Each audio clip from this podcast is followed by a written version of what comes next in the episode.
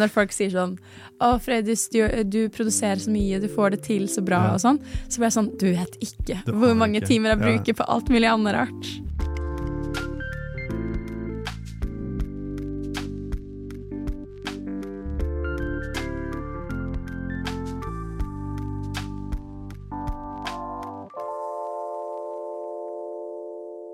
Velkommen til Fotopodden, alle lyttere og seere. Vi har fått besøk av studio i dag av en som har vært med oss før, regissør Frøydis Mo, som er aktuell med sin debutfilm 'Fuckings Bygda' på Oslo Pix på Vega scene 31. august. Velkommen, Frøydis, og gratulerer med din første langfilm. Takk. Fordi du har lagd eh, mesteparten bare kortfilmer fram til nå. Eh, ja, men jeg har også laga en Jeg har korregissert en annen langfilm òg, som Ah. gikk nylig på kino, faktisk. Hvilken var det? Uh, Megatown. Megatown. Megatown. Ja, Kult. det var veldig gøy. Men det var korregi, da, så det her er første gang jeg gjør Dette er eh, din. Det her er min, ja. Skrevet òg, eller regissert? Skrevet, regissert og produsert. Wow. Kan du oppsummere veldig kjapt hva filmen handler om? Filmen eh, handler om en ung, litt rastløs kvinne som må dra tilbake til hjembygda fordi hun må begrave faren sin for en andre gang. Så det er en mørk komedie um, som viser det at kanskje um, når vanskelige ting oppstår i livet, da, at det kanskje er lurt å lene seg litt på de du har rundt deg. Mm. Mm. Og det er en eh, kvinne som bor i Oslo til vanlig, og liksom unnslippet bygda lite grann. Ja, hun er litt um, Hva kan jeg si? Har et ønske om å være kunstner i byen og leve partylivet, da. Ja. Men det går ikke sånn superbra. Nei. Nei. Og har liksom Jeg så i filmen, og det er jo eksempel bare sånn dialekten hennes er borte, og Ja. litt sånn sånne ting. da. Vil kanskje fjerne seg litt fra det miljøet hun har vokst opp i. Ja, den er jo vi to som har skrevet den. Det er Maria Vik og meg. Eh, vi to har jo begge to liksom vært oppvokstbygda, men vi har også liksom blitt mer oslosk i det vi har bodd her, da. Ja. Så det er jo basert litt på våre egne tanker og følelser rundt det å komme fra bygda, men også flytte til en storby. Men også, selvfølgelig, det her er jo en karakter som gjør ganske mye mer ekstreme ting enn det vi vil gjøre. Fordi hvis du først jobber i fiksjonsfeltet, så hvorfor ikke bare pøse på og lage Ja, en karakter som er litt voldsom, da. Litt sånn hva om man hadde vært litt mer ekstrem enn man egentlig er. Ja, det er akkurat det. Så vi har bare putta det liksom på spissen da, og kost oss med det. Og så har vi overraskende ganske like liksom, tanker om hva vi føler rundt å være fra bygda. Mm. Eh, så det er jo sånn sett at liksom, vårt samarbeid funka så bra. Jeg tror det er mange som kjenner seg inn i det. I hvert fall veldig mange som bor i Oslo. Fordi de fleste som bor i Oslo, er jo fra et annet sted. Mm. De har liksom unnslippet hjemmestedet sitt på en eller annen måte, Ja. føler jeg. De fleste. Og det er jo da også sånn, jeg vet ikke om du merker det når man blir litt eldre også, noen ganger så er det litt deilig å komme hjem. Mm. Men uh, hvis man er i sånn i 20-årene, da, så vil man helst liksom- Separeres. Jeg har ikke Ja. noe med det her å gjøre lenger. Ja, ja. Jeg merker det, også, merker det også selv, litt. Grann. Men Mm. jo eldre man blir, jo deiligere er det liksom å komme seg litt ut av Oslo, på en måte. Ja, jeg, jeg vet ikke, ass. Jeg, for å være helt ærlig syns jeg Oslo til og med er for lite. Er sånn, eh, Oslo er liksom en by hvor du er doomed til å møte borti noen på gata. Ja. Og jeg syns egentlig det å være anonym er det som er litt deilig. Ja. Fordi jeg vil ha muligheten til å gå på butikken og se skikkelig dritt ut. Og så er det ingen som vet hvem jeg er. Og det er liksom drømmescenarioet mitt, da, egentlig. Så dessverre er Oslo Norges største by. Eh, så gjerne voks Oslo, fordi jeg trenger at det her blir større. Ja. Men det er jo sånn ti ganger verre da, hvis du er fra en bygd hvor alle kjenner alle. Mm. Liksom, det å bare gjøre vanlig ærend kan plutselig ta et par timer, fordi alle skal stoppe og prate med deg. Ja, ja, det Og alle har veldig god tid, Mm. og de regner med at du også har god tid. Og hvis du ikke har god tid, så er du litt frekk. Ja, det er det. det, er det. Ja, ja, det er sant. Så ja, nei, jeg vet ikke. Jeg tror bare, jeg tror det bare er deilig å kunne liksom få lov til å være fri. Ja. Og være et sted hvor ikke folk vet hvem du er. Men kanskje, jeg vet ikke, nå snakker ikke jeg så mye erfaring. Det er et sånn drømme, Mm. drømmescenario mitt. da. Men si man faktisk bor et sted hvor ingen kjenner deg, du bor i sånn i New York eller London og sånn, kanskje du blir litt ensom over tid. Så kanskje jeg spiser mine egne ord her. Vi får jo se, da, når jeg har testa det ut. Det er fin den kontrasten, da, kanskje. Ja. Ja. En liten mellomting, kanskje. Ha litt begge deler. Ja. Men jeg merker det sånn hver gang jeg drar hjem, så er det veldig da, deilig da å dra tilbake til Oslo igjen på Mm. slutten. Ja. Men det er jo hyggelig å komme hjem en gang iblant. da. Eller nå er ikke jeg fra en liten bygd, jeg er liksom fra Drøbak, men jeg, jeg, jeg kjenner liksom litt igjen eh, den karakteren. Jeg bodde i utlandet en periode òg, Mm. Da, sånn, da ville jeg bare være der. Ja. Liksom fjerne seg fra ja, fra bygda. ja. Men det er jo um, nesten tre år siden du var her sist. ja. Du- Tiden går fort. Ja, tiden går veldig fort. Går veldig fort. Vi har jo fått et nytt studio, ny location, veldig mye som har skjedd her. Men hva er det som har skjedd med deg siden, siden sist? Ja, det har skjedd ganske mye siden sist. Eh, jeg har jo bare høsla, ass. Jeg har uh, laga ekstremt mange filmer siden Ja. vi møttes sist. Jeg har bare kjørt på mitt eget løp. Um, så har jeg liksom, jeg vet ikke, jeg føler jeg liksom jobba meg litt oppover i liksom rangstigen i filmverden, som har vært litt deilig. Fordi nå har jeg lagt merke til at jeg har kommet inn på litt flere festivaler. Litt eh, kommet inn på de festivalene jeg har lyst til å komme inn på. Eh, så det, er liksom, det har begynt å åpne seg litt flere muligheter enn det gjorde for tre år siden. Og så for tre år siden så hadde jeg kanskje også litt mer sånn fuck you-attitude til verden. Ja. Fordi jeg var en Jeg kom liksom fra utensida, utenfra og inn, da, liksom. Men nå, nå er jeg liksom litt sånn halvveis på innsida, Ja. så min posisjon har bare endra seg. Jeg syns fortsatt det er veldig rart. Um, men nei, jeg har jo jeg har bare pøsa på og laga sjukt mange filmer. Uh, jeg vet ikke engang hvor man skal starte. Jeg kan jo si at jeg har laga Jeg lagde jo den korregisserte den uh, Megatown, den spillefilmen, som er en western musikal Yeah. av alle ting. Det var kjempegøy. Og så har jeg jo laga en kortfilm som heter Jesus Puler. Eh, jeg er veldig glad i heftige titler. Det er kule titler. Eh, som er, er egentlig bare en mørk komedie som handler om liksom hvor mye er det man sier egentlig til vennene sine, da. Ja. Når det kommer til seksualitet og det å Hva kan jeg si, da? Intime De, de flaue, intime tingene som skjer i livet. Og så har jeg også vært på Grimstad med en annen kortfilm som heter Runde to. Mm. Som også nå skal til Nordisk Panorama. Kul. Så jeg skal til Nordisk Panorama med ikke bare én film, men med to. Stilig. Eh, og så skal jo den filmen her være åpningsfilmen på Blikkfang også. Ja. Så det er jo bare Ting skjer. Ting skjer. Blikkfang, blikkfang det er Den studentfestivalen i Lillehammer. Ja, kult. Så Amandus Blikkfang. Ja. Den er, og jeg har sånn hjerte for blikkfang, fordi mens jeg ikke har laga film, da, så har jeg på en måte også sittet Eller vært eh, var moderator for Amandus Blikkfang, og så har Ja. jeg sittet i juryen der òg. ja, kult. så jeg har bare gjort helt sjukt mye. Så det er vanskelig å oppsummere, egentlig. Men du har liksom høsla det oppover, da. Prøve. Men merker du eh, sånn på starten at kanskje filmmiljøet i Norge generelt er kanskje et litt sånn lukket miljø? Ja, Følte du det på starten? Ja, men jeg føler fortsatt det. Ja. Eh, jeg føler meg på en måte mer tatt inn i varmen enn jeg gjorde da, men det er liksom litt sånn der- Det er et skille mellom forskjellige folk som driver med forskjellige typer film også. ja. Så du har jo på en måte de som gjør reality, de som gjør drama, de som gjør TV versus de som gjør film.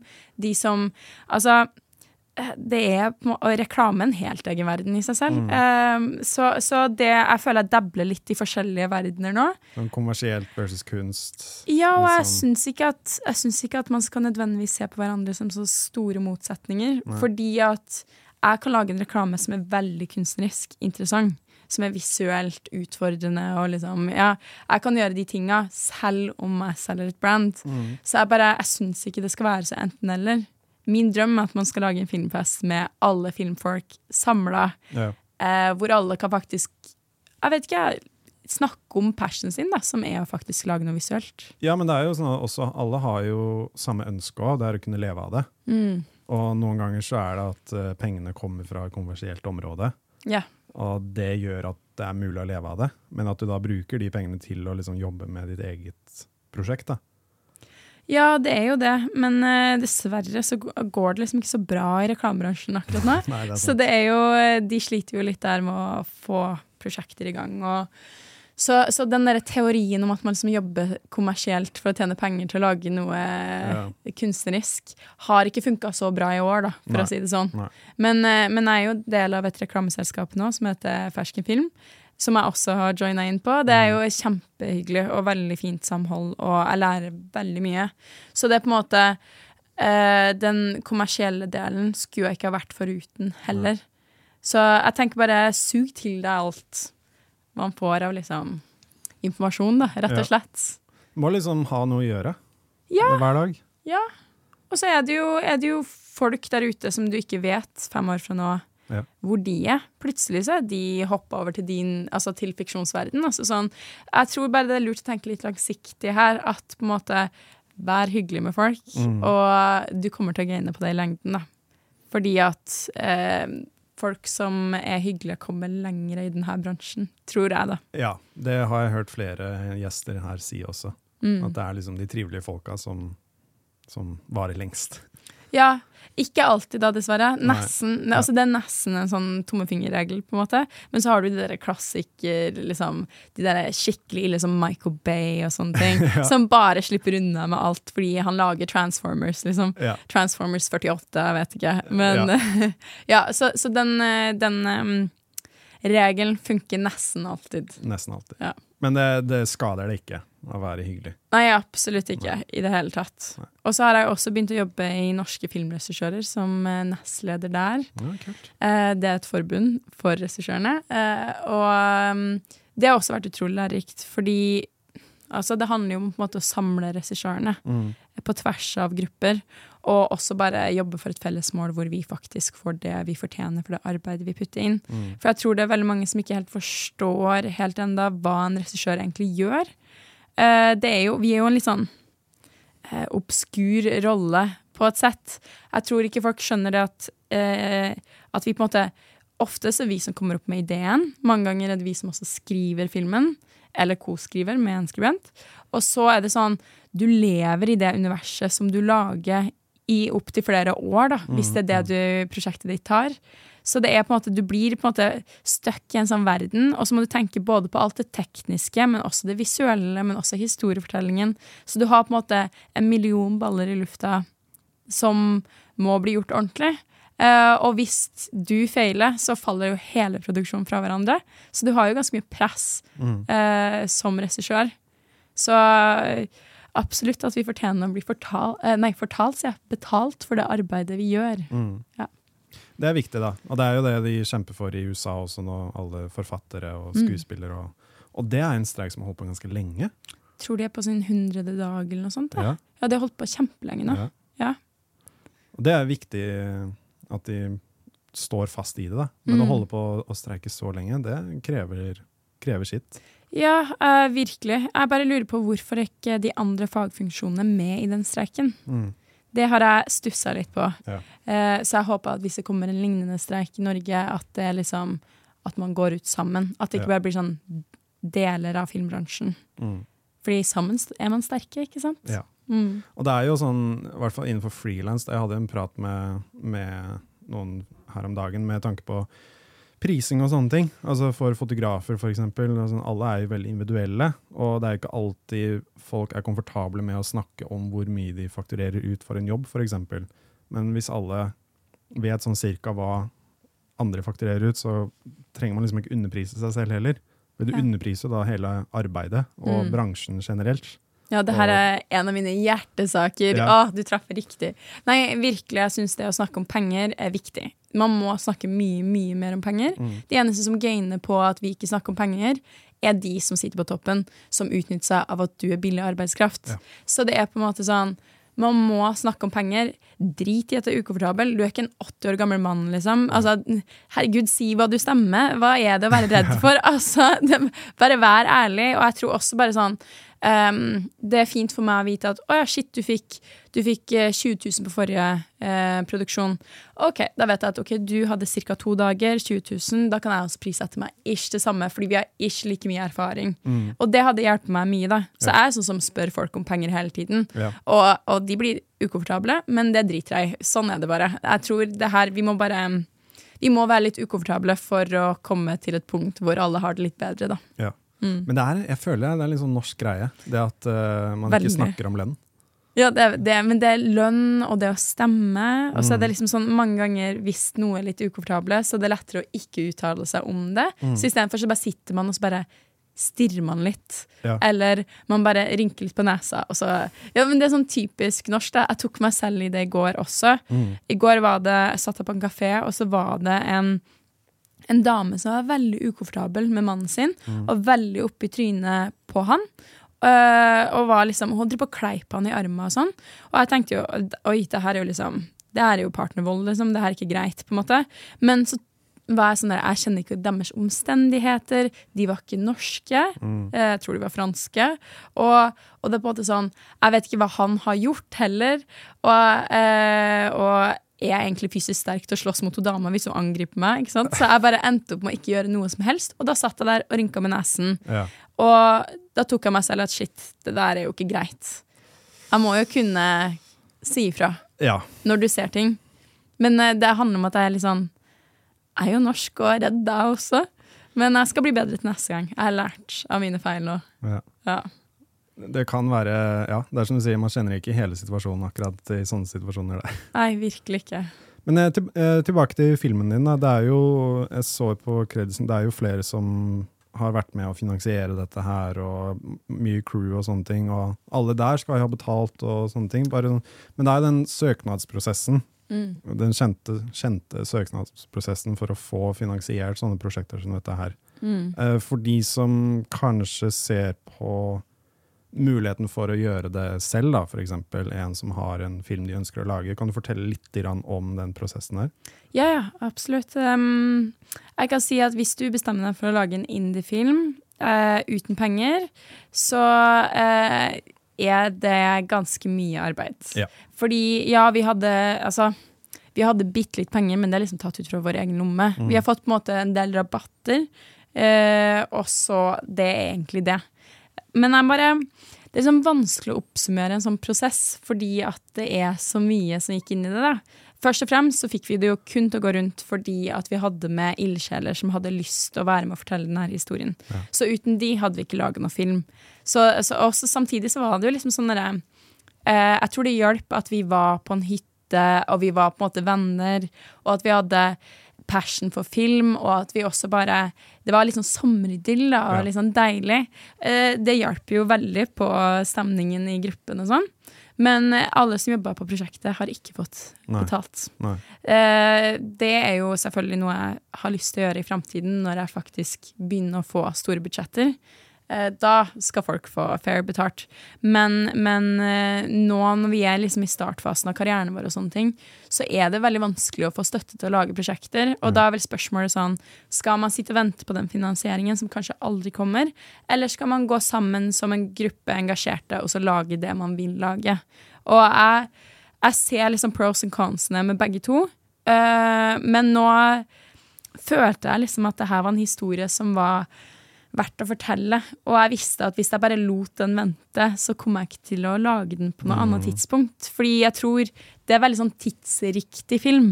Den passer i ånden og i sjela mi akkurat nå, fordi at jeg er også i slutten av 20-åra.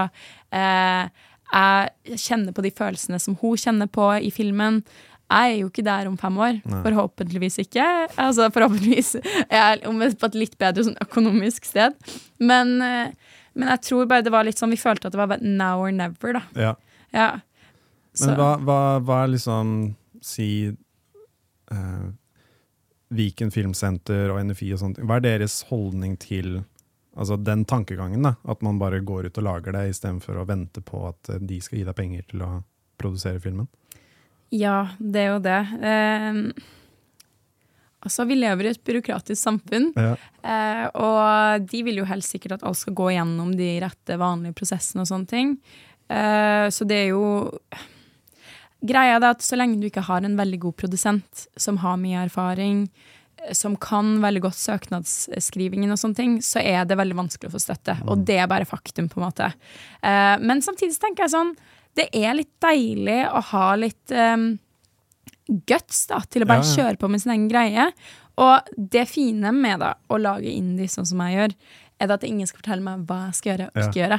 Jeg gjør akkurat det jeg vil. Så, så det er jo på en måte sånn Jeg må ikke eh, endre på min hva kan jeg si, budskap i filmen eller en scene eller noe som helst. Jeg må ikke tilpasse det noen som har penger. Jeg kan bare ha de scenene med fordi jeg har lyst til å ha dem med fordi jeg uttrykker meg kunstnerisk på den måten. For eksempel. så det er jo den største, absolutt største for, eh, fordelen da, med å lage indiefilm. Og så er det jo liksom, det er liksom deilig å være fri. Ja. Og, og deilig å vite at ok, jeg har bare tolv dager på å lage denne filmen. Hva kan jeg oppnå på tolv dager? Ja. Og det er jo litt sinnssykt hvor mye man kan oppnå på tolv dager. da. Det er, det, det er jo det største prosjektet jeg har gjort eh, hittil. Ja. Og Altså, Jeg skal ikke late som det ikke var slitsomt, fordi det var det. Det har jo vært eh, mye mye jobb fra dag én Mm. til vi ble ferdig nå. Og så Jeg sa jo til deg nå i stad at, at det var til, jeg fant litt sånn boom i hjørnet som måtte fjernes. Ja, ja, ja. Det betyr jo at alt må eksporteres på nytt. Det er alltid noen sånne smågreier. Man blir jo aldri ferdig. Nei, også siden folk også jobber gratis, så må du også tilpasse deres lønna arbeid. Og da går faktisk ting litt treigere. Ja. Eh, fordi lønna arbeid går først, på en måte. Og så kommer det her som et sånn sideprosjekt. Men vi ble jo, eh, grunnen til at vi i det hele tatt starta det her, som eh, er jo fordi at korona slo til. Jeg var drittlei av verden, og jeg hadde lyst eh, Det var liksom dårlig vær. Husker korona slo, eh, slo til sånn midt under vinteren, når Ja. Norge stengte ned første gangen. ja, ja. Da satt jeg hjemme på rommet mitt og var sånn, vet du hva, jeg bare vil ha sommeridyll, jeg vil bare fortelle en historie, og så brukte jeg vel, eh, hvor mange timer? Jeg brukte vel sånn 70 timer, og så skrev jeg hele manuset. Og så var jeg sånn, det her er noe jeg vil videreutvikle. Det var jo åpenbart veldig mange feil. Jeg hadde jo liksom ja, ja. fått lest over bare så mange ganger. Men så sendte jeg inn det til Viken Langstrakt, som var ikke hele manuset, men deler av det. Og så ehm, tok de meg og Maria Vik, da, som ble min co-skribent, inn.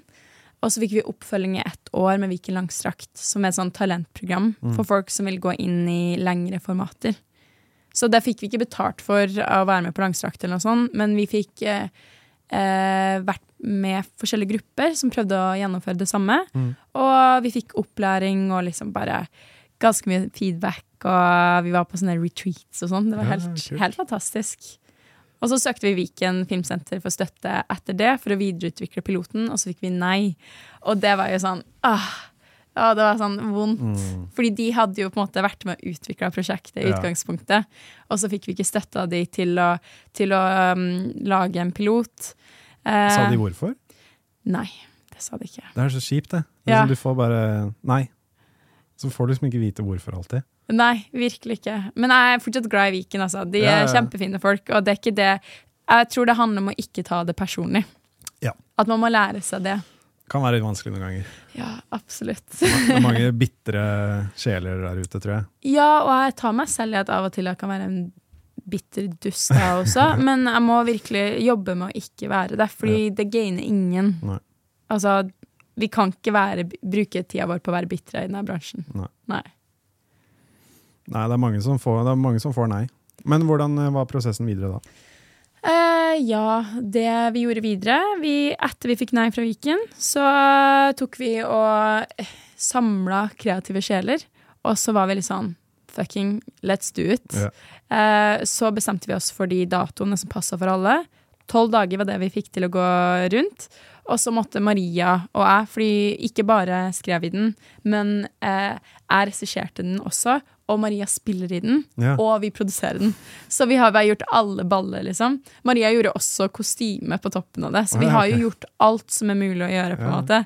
Um, men nei, vi bare jobba egentlig et helt år bare for å planlegge hele innspillingen, finpusse manus, jobbe videre med det, eh, prøve å fikse finansiering, som vi ikke fikk. Mm. Og så kom det jo til dagen på sett, og så kjørte vi på.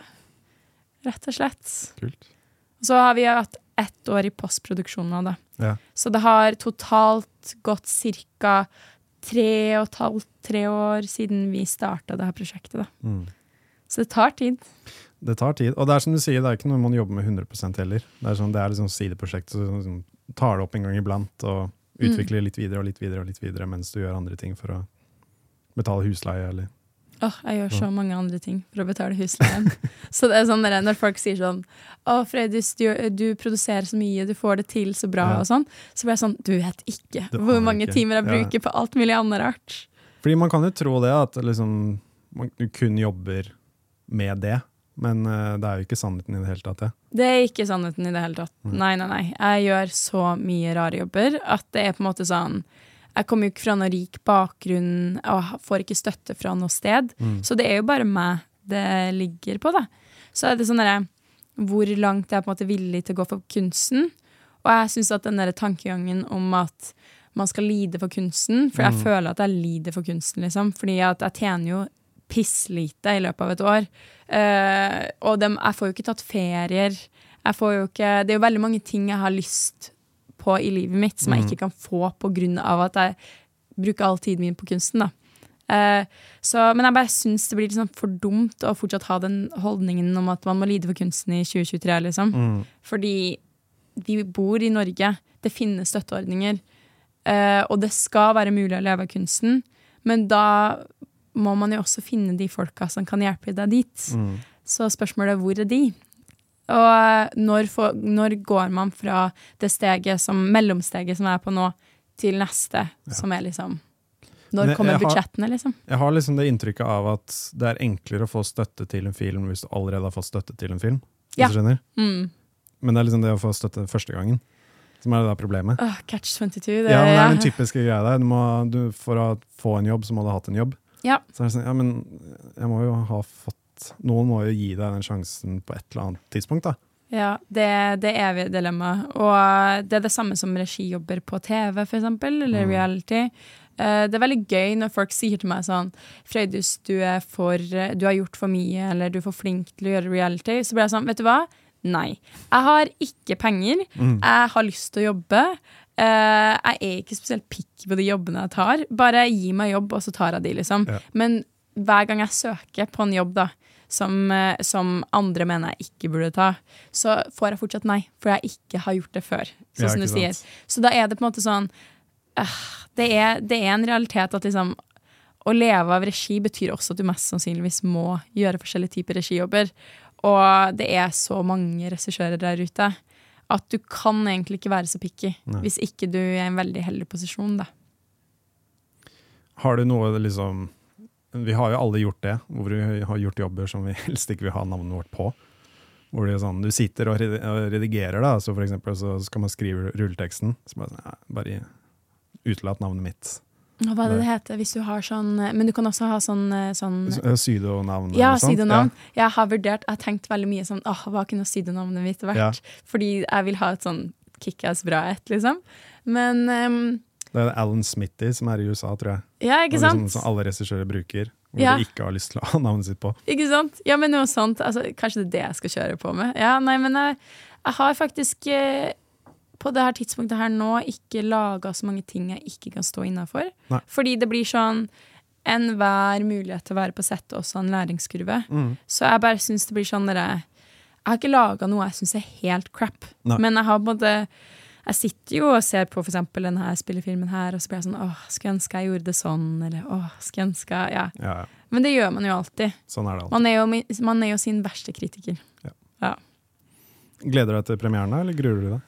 Uh, jeg skulle ønske jeg kunne si at jeg gleder meg, men jeg gruer meg. Jeg tror um, en, en rar ting jeg har liksom utvikla de siste to årene, det hadde ikke jeg sist gang jeg var her, Nei. og det at når jeg blir veldig nervøs, så blir jeg veldig kvalm. Ja, Eh, så når jeg har for eksempel premiere, og sånn, så er jeg bare kvalm hele dagen. Jeg kan ikke spise, jeg kan ikke drikke noe som helst. For jeg tenker bare sånn eh, tenker bare sånn OK, please, bare hold ut noen timer til. Og det er ikke det at jeg ikke syns det er hyggelig at folk kommer, eller at jeg ikke har lyst til at filmen skal slå an. Det er ikke det det ligger an på. Jeg tror det bare Jeg bryr meg så mye at kroppen min bare klikker helt. Så, så jeg syns jeg får skikkelig nerver Ja. hver gang jeg har en filmvisning nå. Så jeg bare klarer liksom ikke å, jeg, å glede meg. Jeg gleder meg til det er over, ja, ja. Fordi da vet jeg hva folk synes. Jeg syns det er verre å leve i sånn uvitenheten jeg lever i nå.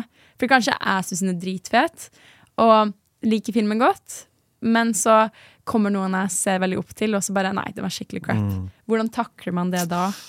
ja. Men da blir det litt sånn, vet du hva, jeg lager film for meg selv. Det må jeg minne meg selv på. Jeg lager film for meg selv. Eh, jeg lager filmer som jeg har lyst til å se. Eh, og altså sånn, jeg prøver ikke å please et spesifikt publikum. Jeg tenker bare sånn, det finnes bare meg i verden. Mm. Så med en gang jeg prøver å please for mange, så Ja, hvis Blir det veldig liksom feil? Å, det er den der klassiske hvis du prøver å gjøre alle glade, så gjør ender du opp med å gjøre ingen glade. ja. Og det er en sånn en type film som man lager som passer til et type publikum. Og Ja. det er liksom, Du kan ikke lage en film som passer til alle. Man ser jo hvordan det går vanligvis når eh, Hollywood-filmer prøver å være det, og Mm. til absolutt alle. Da er det ingen som liker den. Og det blir liksom sånn fjasete, laget av en komité, lite personlighet. Ja. Og det blir veldig lite interessant, da. Men det der er det som skjer når pengene er involvert, ikke sant? Ja, Og hvis det er for mye penger, Ja. det kan være et problem noen ganger. Ja, hvis, hvis de som gir deg penger, ikke stoler på deg, så må Mm. du prise for mange. Uh, og da på en måte eh, Da går det ikke. Jeg, jo, det er faktisk en greie. Jeg satte ned foten på en, et prosjekt jeg gjorde tidligere i, i Det var i fjor, tror jeg. Mm. Da sa jeg sånn hvis ikke jeg får gjøre det på min måte, så blir det ingen måte jeg er med på det her prosjektet. Ja. Det var første gangen jeg faktisk satte ned foten ordentlig. Og det endte opp med at jeg trakk meg fra Eller jeg er jo ikke med i det prosjektet lenger nå. Og det var veldig riktig avgjørelse. Ja. Fordi jeg tror liksom integriteten din som regissør er noe man må ikke helt glemme. Nå sier jo jeg at man må lære å hoppe rundt ha det gøy, og sånne her ting også, men, men som faktisk når det er ditt drømmeprosjekt, det er liksom noe du er passionate rundt, så drit i hva alle andre sier. Gjør din egen greie. Og jeg er fullt klar over at det her ikke er en film som kommer til å slå gjennom så godt hos den eldre garden, tror jeg. Mm, mm. Fordi Mariam, hovedkarakteren, hun er jo en voldsom eh, karakter. Men det er jo akkurat sånn jeg ville ha henne. Hun er jo Ja. perfekt. Ja. Jeg syns hun er perfekt fordi hun er voldsom. Jeg skulle gjerne nesten hatt henne enda mer eh, Altså mer som karakter, da. Man, Eh. man skjønner jo også på en måte i filmen hvorfor hun er litt sånn som hun er, og hvorfor hun liksom ikke liker der hun kommer fra. Det er, liksom, det er en kontrast som har utviklet seg over tid. At liksom man snakker på en måte ikke samme språk lenger. Nei, det er det. Man skjønner det jo, men jeg skjønner jo også at folk, eldre folk vil ikke forstå Vil ikke kunne se det fra deres perspektiv. Da. Men det er jo litt av meningen også at det skal være kanskje en diskusjon der mellom generasjoner. Gjerne. Enhver diskusjon er kjempebra, tenker jeg også. Men jeg tror, altså, jeg tror at den kommer til å slå an best hos folk som er i altså, 15 til 25, kanskje. Ja, ja. Jeg tror det er der den eh, målgruppen vår ligger. Um, og så hadde jeg en, har hatt én testvisning, Ja. eh, og da var det sånn at de yngre de sa sånn her, Hun kunne gjerne vært mer voldsom. Jeg har gått ut og tenkt hele tida sånn shit, hun er helt crazy, og så bare ehm, Nei, jeg elsker Og Mina, da, som spiller den hovedkarakteren her, er jo bare helt fantastisk. Ja. Altså, Mina er så flink. Vi eh, jobba sammen på den der Alt du elsker, den TV-serien, som hun hadde vært med på før. Da, da bare jobba jeg i en sånn siderolle. Og så så jeg henne på sett, og så syntes jeg hun var så flink. Så jeg bare, etter vi var ferdig med Alt du elsker, så gikk jeg bort og var sånn Mina, jeg har et manus. Vil du være med videre? Eh, men da har jeg ett kriterium, og det er det at du må eh, rope mye, være litt voldsom, og du må være sint på verden. Og hun bare Det er det jeg drømmer om å gjøre. Ja. Og da, da ble hun selvfølgelig det perfekte Mariam. Hun skjønte det med en gang. Ja, virkelig. Det gjorde hun. Og så var det jo um, En av våre store, store utfordringer var jo den dialekten. Mm. Det var jo Altså, det var ganske vanskelig å kaste den filmen på grunn av det. Fordi det er jo ikke alle som klarer dør, liksom. Nei. Dør er dritvanskelig. Mange av de skuespillerne som jeg så på, hadde allerede dialekter fra før av, så det var vanskelig nok for de liksom å legge om til bokmål og så putte over enda en dialekt på toppen av det. Ja. Så derfor gikk jeg spesifikt for eh, de som snakka bokmål, fordi at det var liksom lettere å tweake litt der. Og så vet jeg jo at skuespillerne er litt sånn stressa for om de gjorde en god nok jobb, og det syns jeg virkelig de gjorde. Mm, Fordi det er en vanskelig dialekt, og hvis ikke du har bodd der i mange år, så er det helt umulig å få den 100 til. Ja, ja. Men jeg, jeg syns det at man prøver, og at vi liksom gjorde det beste vi kunne. Vi hadde også en uh, dialektcoach som kom inn av og til. Ja, Um, Martine, vi gikk på balletten sammen når, eh, når jeg var oppvokst bygda med henne. Uh, så hun bare tok seg tid til å komme innom og si hele manuset på hardbarska døl, og, yeah. og fortelle de forskjellene på liksom, hvordan man snakker grammatisk og sånne ting. Da. Eh, nei, det var Jeg syns de gjorde en skikkelig skikkelig god jobb. Og så syns jeg jo det er et veldig viktig poeng det at Mariam ikke snakker døl. Mm. Fordi at hun prøver å separere seg sånn fra yeah. den bygda hun er i. Eh, du kan jo bare høre det på måten jeg snakker på også. Altså, jeg snakker jo ikke veldig sterk dialekt. Eh, jeg kunne ha snakka sikkert breiere hvis jeg ville, men Men eh, switcher du over når du kommer hjem? Litt grann? Ubevisst. Ja, ja. Man Ja. gjør det ubevisst. Ja, man gjør det jeg tror ikke du er klar over det selv, men det går over litt sånn litt hardere. Ja, men her er jo den tricky greien. da. Jeg er jo oppvokst på, i mange forskjellige bygder rundt Ja. omkring i Norge. Så Ja. jeg har liksom ikke Jeg føler filmen er på en måte en serie av hendelser som har skjedd i Maria mi, min, mitt sitt liv, da. Ja. Som vi har samla opp. For Ja. eksempel en Jeg skal ikke si hvilken type scene det er, eller forklare scenen til de som ikke har sett den ennå, men eh, du vet jo fiskescenen. Ja. Det er basert på noe jeg så i virkeligheten skje Ja. foran mine egne øyne. Bare i virkeligheten var det en chi chinchilla. Ja. Så, så ja, det skjer mye rart på bygda. Men eh, manuset, da, for eksempel, sånn, det virker som det var veldig sånn fritt frem med dialog og sånt, eller var det veldig låst hva de skulle si nøyaktig når og sånn? Em, manuset har jo Maria skrevet, men jeg er på en måte, jeg bruker å kaste manus på sett på dagen. Ja. Eh, og det, er, jeg- det gjør jeg nå veldig komfortabelt, fordi at jeg kjenner manuset godt nok til å kunne være sånn OK, her er manuset, Mm. det er her vi vil. Men vi kan gå også rundt det og prøve nye eh, retninger så mye vi vil. Men ofte så legger jeg merke til at det, liksom, det faller tilbake litt på manuset likevel. Ja, ja. Så, så selv om man åpner for nye tolkninger og endringer og sånne ting, så er det jo veldig mye som ordrett også sies. Mm. Eh, og det er egentlig en sånn deilig følelse, fordi at det betyr at Maria har skrevet bra nok til at det høres naturlig ut Ja. når folk sier det ut av munnen sin. Fordi det med dialog syns jeg er noe av det morsomste med film. Mm. Fordi jeg tror det faller veldig naturlig for meg å skrive dialog på en muntlig måte. Så jeg syns det er vanskeligere med eksempel tidshopp eller transitions og sånne ting. Syns jeg er mye vanskeligere. Eh, så en følelse av tid, sted og rom eh, versus det med dialog. Dialog bare Det bare skjer, på en Ja. måte. Men det er som du sier, da, sånn at du etablerer okay, hva er det som er viktig i scenen her, hvor er det vi, hvor er det vi er, og hvor er det vi skal. Mm. Men det er som du sier at man, man kan ta noen forskjellige veier til målet, da. Men at du Mm. faller tilbake da på manuset hvis man ikke liksom har noen sånn gale ideer der og da. Ja, altså det er jo veldig mye i manuset også som er fjerna. Ja. Som ikke ble med i filmen. Uh, det er jo Altså, og det er jo en ting som kanskje filmen lider litt av også, er at, uh, at Altså at vi prøvde å si litt for mye. Ja. Og det ser man ikke før man er ferdig med prosjektet. Ja.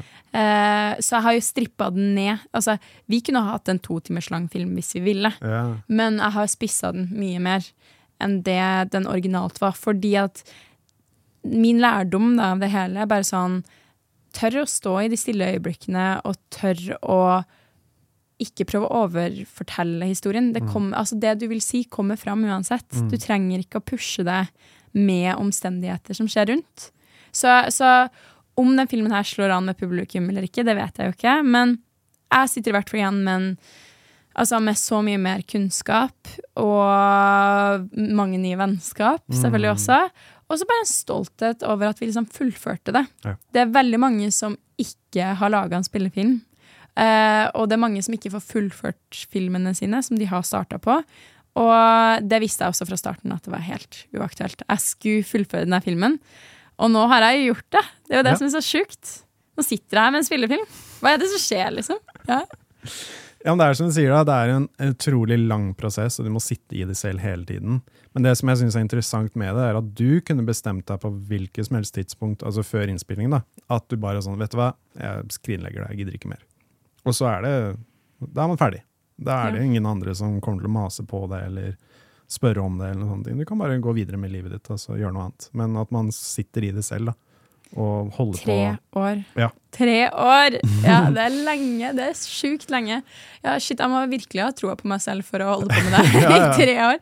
Ja, nei, men jeg Men det er det jeg liker med ideer som kommer, som originale ideer.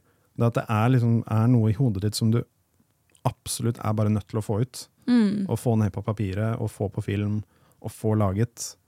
Du, du klarer ikke å la det ligge. Ja. Og det betyr at det er en veldig sterk idé. Og at det er ingen andre som kan fortelle den historien på den måten som, uh, som du gjør, da. ja, og så kjente jeg også bare på sånn Jeg syns det er altfor lite eh, altså, materiale for oss å se på, som er unge kvinner i Norge i dag. Jeg bare syns det er pisskjedelig, det som går på TV og mm. kino, for så vidt. I, altså, I forhold til den målgruppen. Da. At det er liksom ikke nok av oss å velge mellom. Ja. Det er på en måte sånn Hvis du er en dude, så kan dra på kino, så er det sikkert fem actionfilmer for deg å velge mellom. Hvor er liksom coming of age-filmene for unge kvinner? Eh, hvor er de sinte kvinnelige hovedkarakterene som får lov til å hyle når de føler for det? Um, og kan oppføre seg som en skikkelig drittperson. altså, jeg bare, jeg bare Jeg ser ikke så mye av det, så jeg, jeg ser at behovet er veldig, veldig viktig for de som har lyst på det. Mm. Nå er det jo litt sånn derre Indie-film i seg selv er jo nisje. Det må vi også anerkjenne. Så det er jo ikke sikkert at, at man får sykt stort publikum, men jeg bare håper at liksom Jeg håper den er kommersiell nok til at yngre jenter og kvinner har lyst til å liksom komme og se den. Mm. Uh, og menn også, for så vidt. Fordi da det, liksom, det forteller litt om den kvinnelige opplevelsen. Ja. Uh, om hvordan det er å være litt lost i 20-åra og være litt forvirra og seksuelt frustrert og alt mulig på en gang. Mm. Um, og jeg tror rett og slett at når du er kvinne og lager filmer om kvinner, så er det veldig annerledes historie som blir fortalt Ja, ja. enn når menn prøver på det samme. Fordi det er bare Altså, har du ikke, har du ikke kvinnelig anatomi, så er det på en måte sånn Du skjønner ikke hva vi går igjennom, da. Altså, Du skjønner ikke at liksom, et slag i puppen er dritvondt. på en måte. Det er sånn, fordi du har ikke opplevd det. Ja, Du vet ikke det at uh, å ha heftige mensensmerter kan gjøre at du ligger på gulvet i timevis og ikke klarer å komme deg ut. Det forstår kvinner. Så det er sånn, hadde jeg laga en sånn scene som Noen jeg tenker på det, burde jeg jo hatt det, åpenbart. Ja.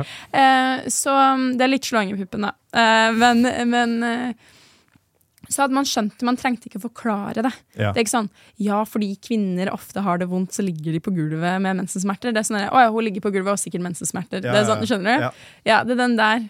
Så jeg tror, jeg tror det er et behov som må fylles. Og jeg håper at jeg kan være med å fylle det behovet, da. Mm.